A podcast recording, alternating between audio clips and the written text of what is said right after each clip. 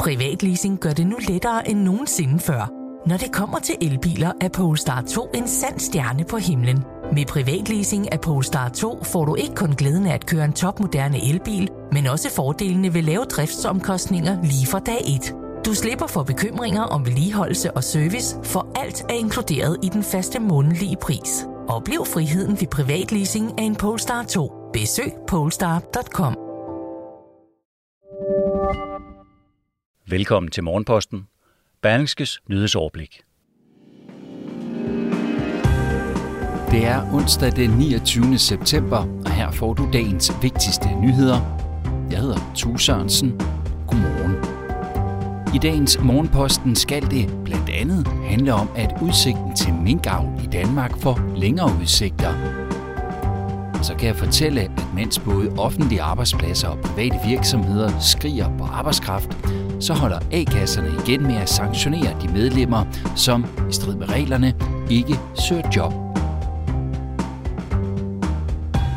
Men vi starter hos landets topledere, der slår alarm over den prop i verdenshandlen, som fortsat volder problemer for mange virksomheder. De har nemlig stadig problemer med at få materialer og varer hjem på grund af den globale forsyningskrise, som er fuldt med coronapandemien. Det kan Berlingske fortælle i dag. I en rundspørge til Berlingskes toplederpanel hvor 160 topchefer blandt Danmarks 1000 største virksomheder har svaret, ser knap halvdelen af de i enten høj grad eller i meget høj grad oplever udfordringer med at skaffe materialer, råvarer eller produkter til deres virksomhed. Det her er et efterspørgselschok i alle led, og det er uden fortilfælde i nyere tid, siger blandt andre Anders Kold, som er administrerende direktør i virksomheden Mekoprint. Du kan læse mere om forsyningsproblemerne på berlingske.dk. Mens der mangler forsyninger nogle steder, så er der mangel på hænder andre steder, blandt andet på hospitalernes fødegange. Berlingske har i dag historien om, at jordmøder i stigende grad søger mod private vikarbyråer, fordi de er utilfredse med løn og arbejdsforhold i det offentlige. En af dem er jordmor Laura Råhed Andersen, der har været ansat i Region Hovedstaden, men nu glæder sig til at tjene mere i det private. Det er jo ikke jordmorens ansvar at gøre regionens arbejdspladser attraktive. Det er jo dem selv, siger hun. Utilfredsheden med lønnen kan også aflæses på manglende jobansøgninger i Region Hovedstaden, hvilket fører til travlhed på fødegangene og stigende udgifter til at hyre private jordmøder ind. Danske minkfarme kommer til at stå tomme i yderligere en rumtid.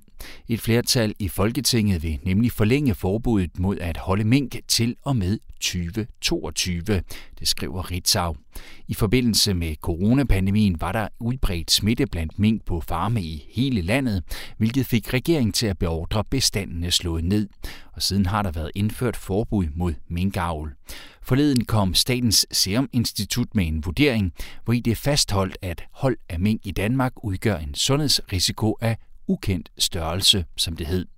Derfor er det det eneste rigtige at forlænge det forbud, der har været i et år med et år mere, siger Fødevare- og Landbrugsminister Rasmus Prehn fra Socialdemokratiet. Selvom man som dagpengemodtager kan blive sanktioneret af sin A-kasse, hvis ikke man søger job, ja, så sker det meget sjældent. Det viser en analyse fra Dansk Arbejdsgiverforening, som du kan læse om hos Berlingske i dag. I analysen fremgår det af tal fra Styrelsen for Arbejdsmarked og Rekruttering, at blot 8 procent af de ledige, som ikke har overholdt reglerne om at søge arbejde, er blevet sanktioneret af deres A-kasse. Og det er et problem, når der mangler hænder på det danske arbejdsmarked, lyder kritikken. Det er en af morgens hovedhistorier fra Berlingske, og du kan her høre mere om den i form af et lyduddrag fra artiklen. De udskilte jobcentre er magtesløse. A-kasserne derimod kunne med sanktioner imod ledige, der ikke vil tage imod job, løse en hel del problemer. Det var i hovedtræk Københavns beskæftigelses- og integrationsborgmester Cecilie Lonning Skovgårds budskab, da det i august kom frem, at rengøringsfirmaet De Fem Stjerner havde henvendt sig til jobcentret i Københavns Kommune for at få besat 450 stillinger, men kun kunne få en liste med 81 kandidater. Efter coronakrisen fattes rige hænder, og selvom der var 23.000 arbejdsparate ledige i Københavns Kommune, kunne der kun fremskaffes 81 mulige kandidater til 450 job. Problemet for beskæftigelsesborgmesteren er, at det er landets A-kasser, der skal sanktionere dagpengemodtagere, hvis de ikke søger de job, der er til rådighed. Men det gør A-kasserne ifølge Cecilia Lonning Skovgaard ikke. I august havde beskæftigelsesborgmesteren svært ved at dokumentere sin påstand, for der fandtes ikke tal for, hvor meget eller lidt landets A-kasser sanktionerer deres medlemmer, hvis de ikke søger job. De tal findes nu.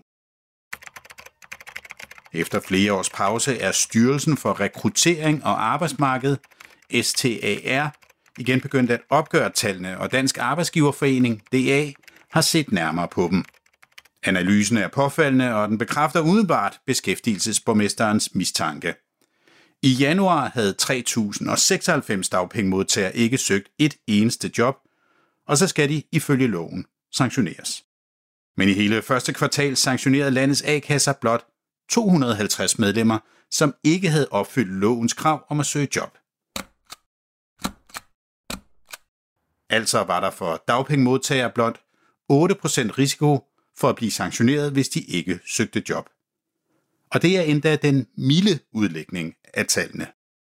Holder man det samlede antal ledige, der ikke har søgt et eneste job i henholdsvis januar, februar og marts, op mod sanktioneringer i første kvartal, bliver der kun indført sanktioner i 3% af tilfældene, men så er der en vis sandsynlighed for gengangere i systemet, så DA holder sig til 8%. Vi har et stort problem her.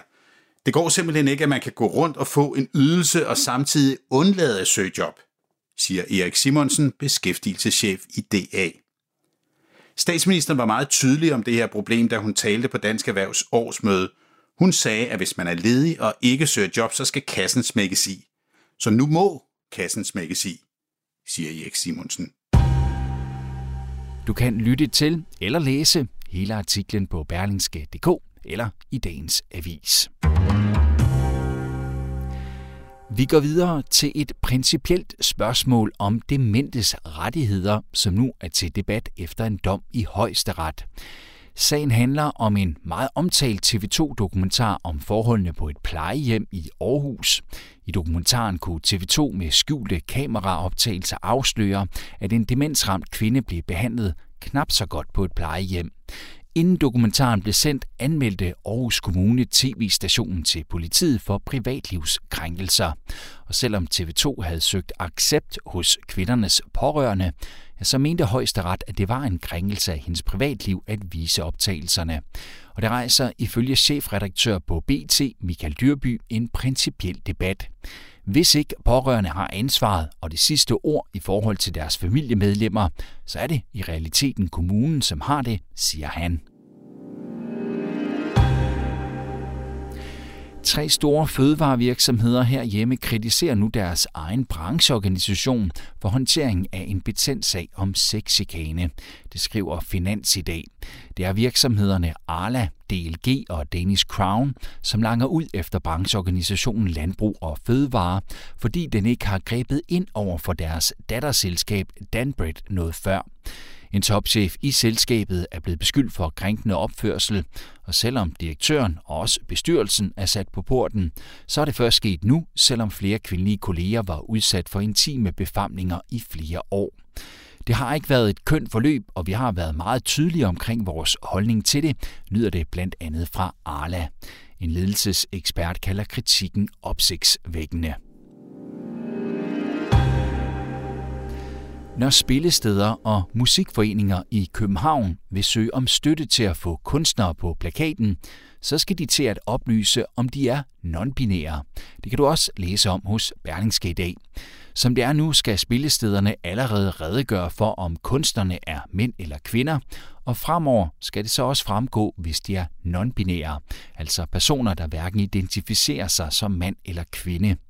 Ifølge Berlingskes oplysninger er dette formentlig det første eksempel på, at Københavns Kommune beder modtagere af støtte at oplyse om en kønsfordeling af flere end to køn.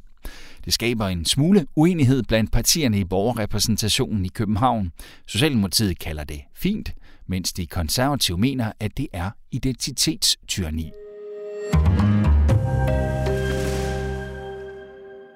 Til sidst får du et kort overblik over nogle begivenheder, som sker i dag. I Sverige der ophæver de næsten alle coronarestriktioner i dag. Det gælder blandt andet loftet for antal af deltagere ved store arrangementer og også lukketider for restauranter.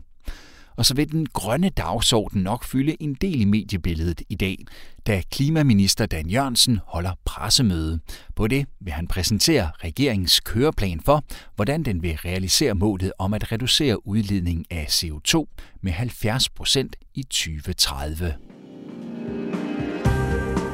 Det var alt for Morgenposten Berlingskes nyhedsoverblik på denne onsdag, redigeret og indtalt af Tue Sørensen.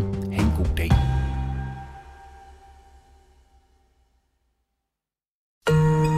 Podcasten er sponsoreret af EGN. Bliv en del af en professionel netværksgruppe med folk, der forstår dig.